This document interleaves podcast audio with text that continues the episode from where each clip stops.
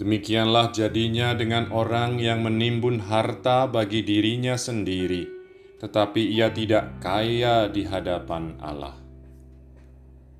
Teman-teman yang dikasihi Tuhan, banyak orang senang jadi kaya, punya banyak uang dan harta milik dalam bentuk apa pun. Kita tahu, dengan uang dan kekayaan kita bisa dapetin macam-macam hal Malah ada yang bilang uang bisa membeli segalanya, meskipun pasti ada juga yang gak setuju. Harus diakui daya beli uang dan harta kekayaan yang kuat, kemampuan dan kekuatannya untuk mendapatkan apa pun. Itu sebabnya orang senang menimbunnya. Selain untuk kebutuhan dasarnya, orang mengumpulkan uang untuk hal-hal yang nggak dibutuhin atau yang kebutuhannya dia ciptain sendiri. Ujung terakhirnya adalah dia mau nyenengin dirinya sendiri. Teman-teman yang diberkati Tuhan, dalam Injil Lukas bab 12 ayat 13 sampai 21 yang tadi kita kutip kalimat terakhirnya, Yesus ngingetin kalau justru di situ salahnya. Kekayaan itu bukan untuk ditimbun, apalagi untuk diri sendiri. Jadi, salah ya jadi orang kaya itu? Iya dan enggak. Jadi kaya itu salah kalau cuman kaya menurut ukuran dunia. Apalagi kaya buat diri sendiri aja.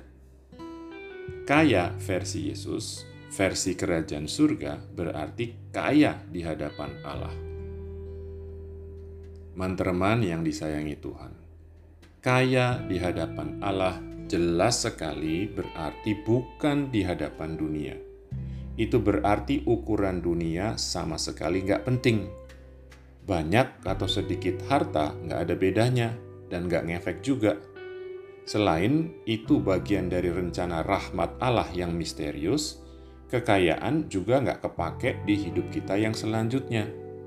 Makanya kalau menurut kebaikan Tuhan kita boleh menerima kekayaan, berapapun jumlahnya, apalagi kalau banyak, kita jangan lupa apa yang dibilang Paulus kepada jemaat di Efesus.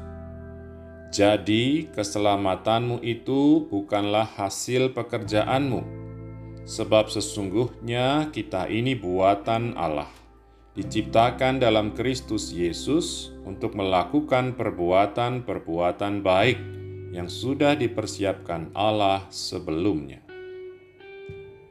Teman-teman kekasih Allah, kekayaan adalah rahmat, dan rahmat gak pernah dimaksudkan untuk kepentingan egosentris semata.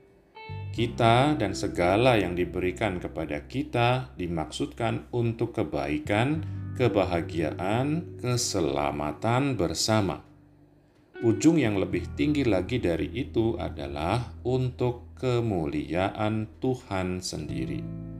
Jadi, untuk itulah kekayaan yang ada pada kita, berapapun jumlahnya.